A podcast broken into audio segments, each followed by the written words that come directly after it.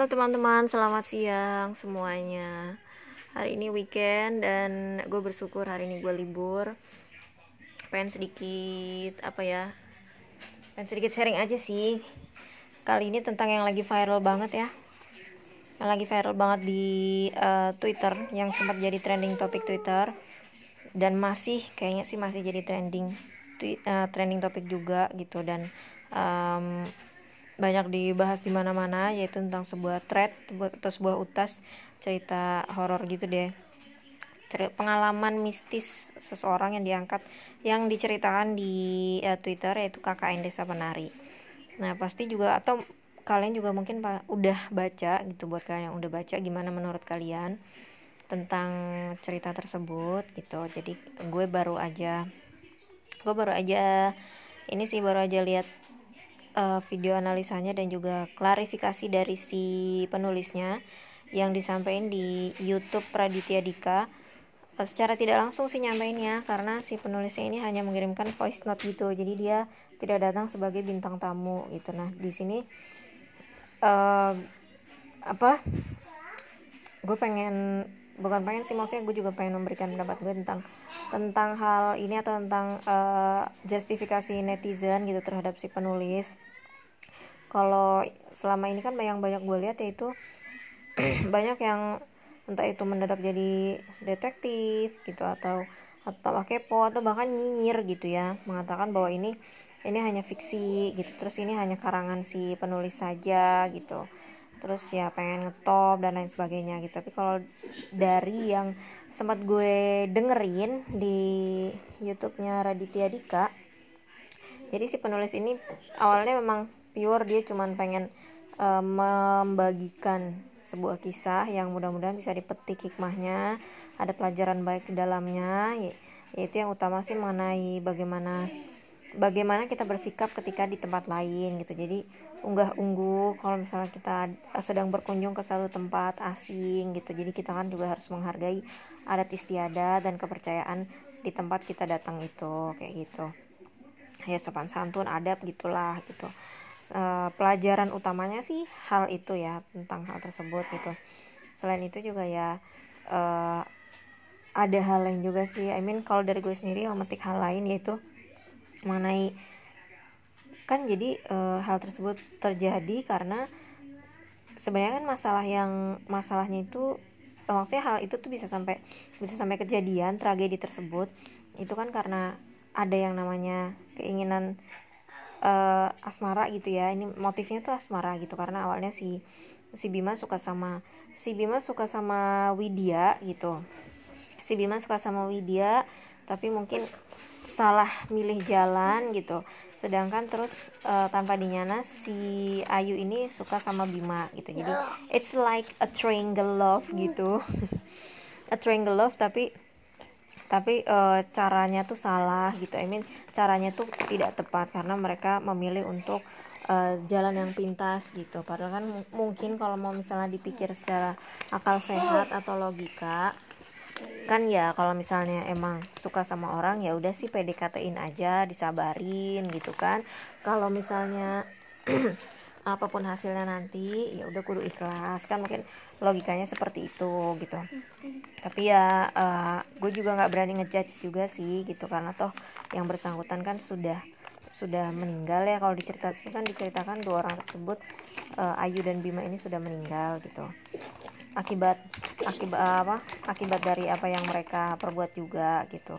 Jadi ya ya nggak ya menurut gue sih nggak nggak nggak pantas aja buat ngejat menjustifikasi mereka kembali. Tapi ini jadi pelajaran aja bahwa bahwa uh, apa pun itu gitu kita harus tetap tetap keep keep tetap keep waras gitu. Mungkin gitu kali ya. Atau ya tetap tetap apa ber tetap bisa berpikir lah gitu dengan akal sehat mempertimbangkan segala sesuatunya. Jadi nggak hanya terbawa sama yang namanya nafsu belaka gitu.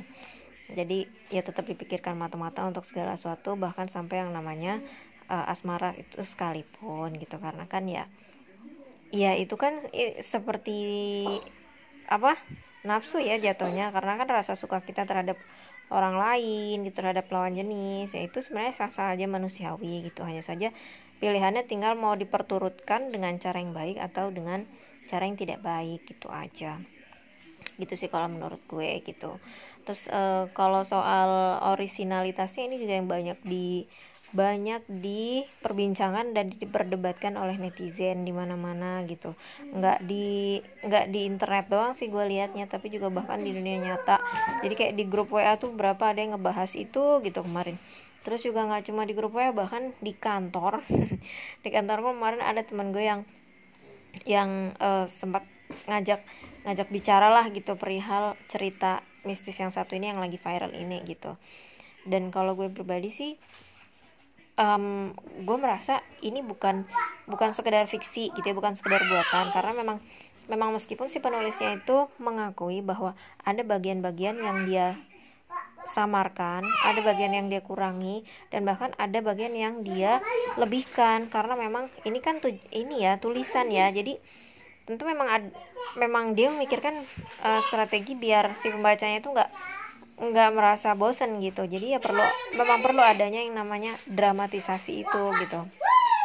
Dan dia juga bahkan uh, kayak mengubah beberapa beberapa hal gitu. Kayak misalnya dari jumlah pesertanya gitu. Kemudian uh, dia juga menyamarkan menyamarkan nama gitu. Dan dan jadi kayak untuk adegan si Wahyu sama Widya yang pergi ke kota kemudian pulangnya itu mereka uh, di di apa ditolongin dan mampir itu di hajatan seseorang yang ternyata itu adalah makhluk-makhluk goib gitu.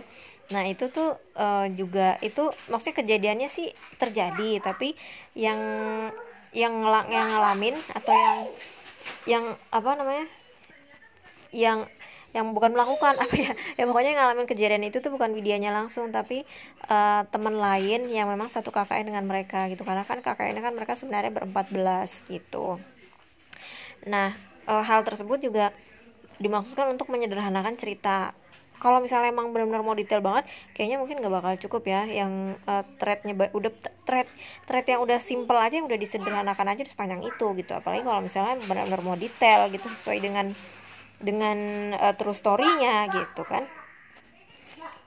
Jadi kalau menurut gue sih sah-sah uh, aja dan gue tidak tidak menjustifikasi perihal itu tidak benar gitu. Karena ya gue sendiri gue termasuk orang yang percaya dengan eh, hal-hal uh, seperti itu hal goib gitu. Karena memang salah satu rukun Islam juga kan ya. Rukun uh, salah satu rukun iman juga sih kalau kalau kalau gue nggak salah kalau salah mohon dikoreksi.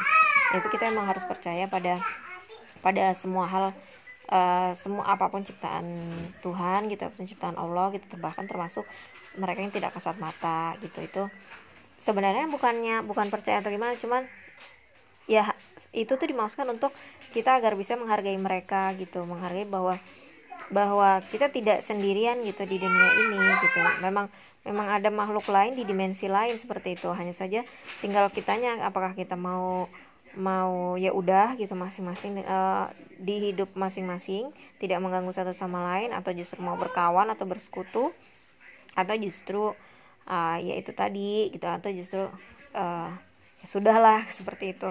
Itu kan kembali ke pilihan masing-masing. Nah kalau gue sendiri memang memang memang ya memang mengakui itu ada gitu hal-hal gue itu ada.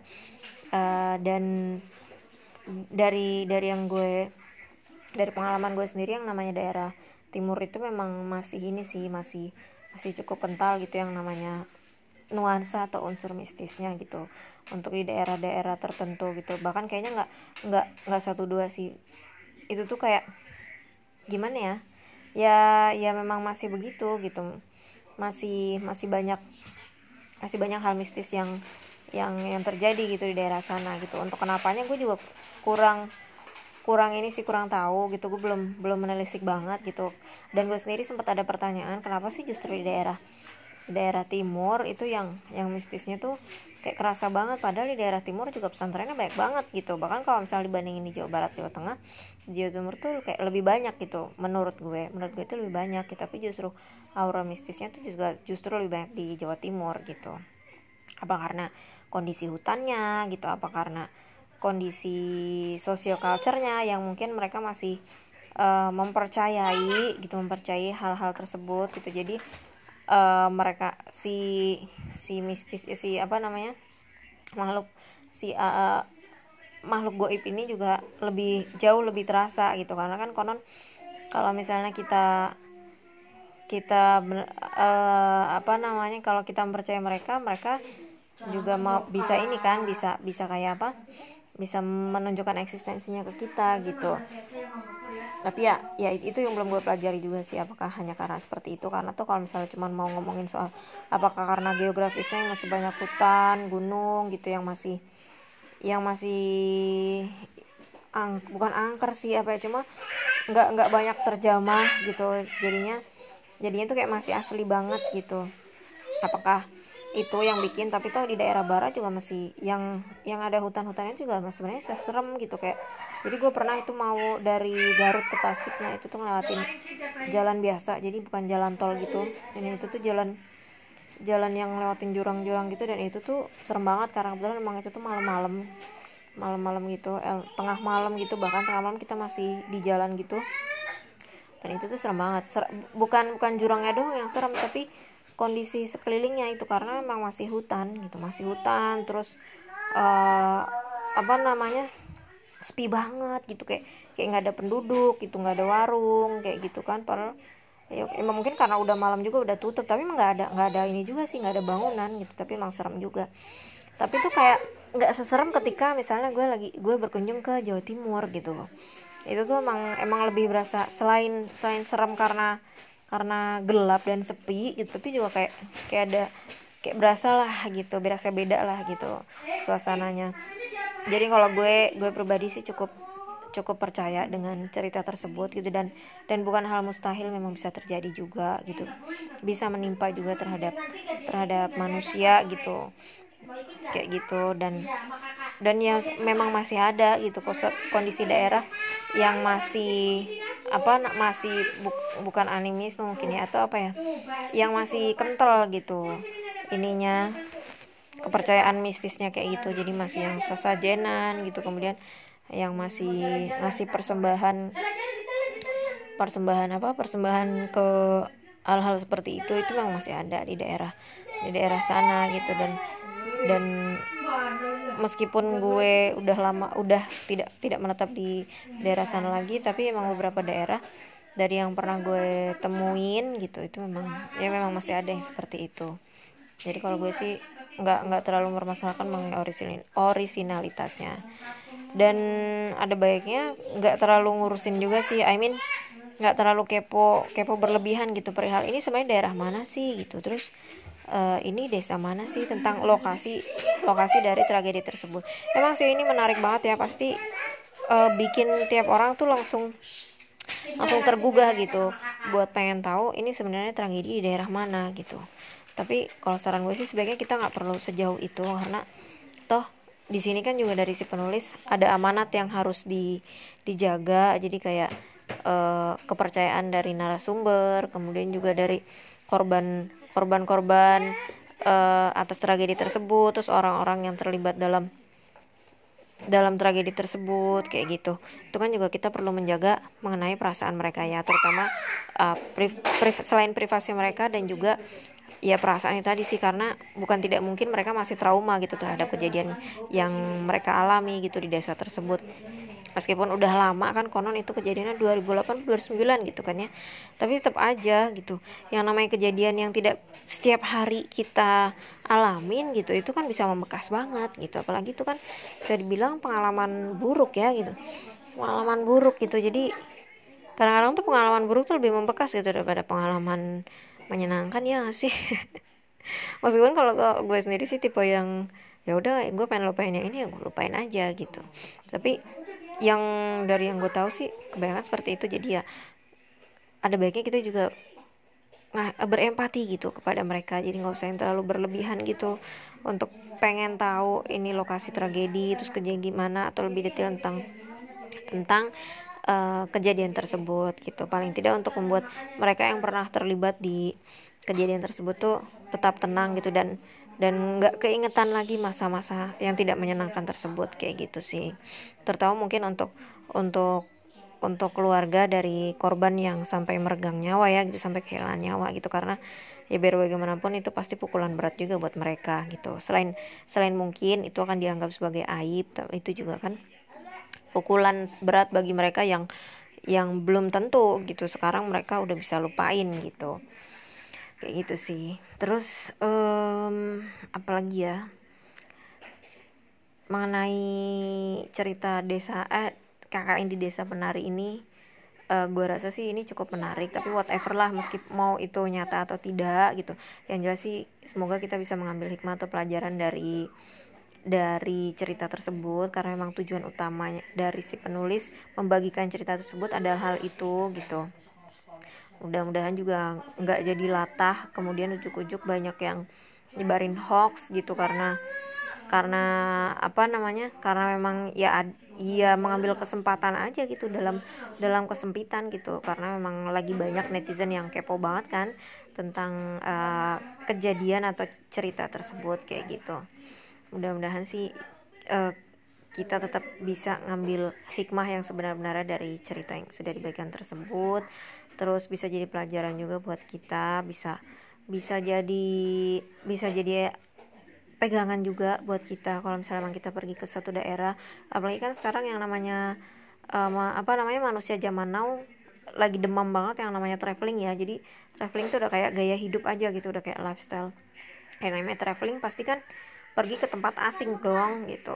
Bahkan kadang-kadang ada yang pergi kok sampai ke pelosok gitu kan demi yang namanya traveling gitu atau demi demi konten. Demi konten gitu ya. Itu tetap harus dijaga juga sih jangan sampai cuman gara-gara demi konten kemudian kita melupakan uh, merupakan adab gitu atau merupakan sopan santun dan juga tidak menghormati adat istiadat setempat. Seperti itu. Mudah-mudahan ini juga jadi pengingat buat gue juga sih dan uh, semoga hal-hal buruk kayak gitu tidak terjadi uh, tidak terjadi lagi ke depannya mudah-mudahan kita semua selalu dilindungi oleh Allah Subhanahu wa taala. Makasih buat teman-teman yang udah dengerin. Jangan lupa uh, dengerin juga podcast gue yang lainnya dan juga follow Instagram gue di @rani putri r a n i e underscore putri. Terima kasih. Bye bye.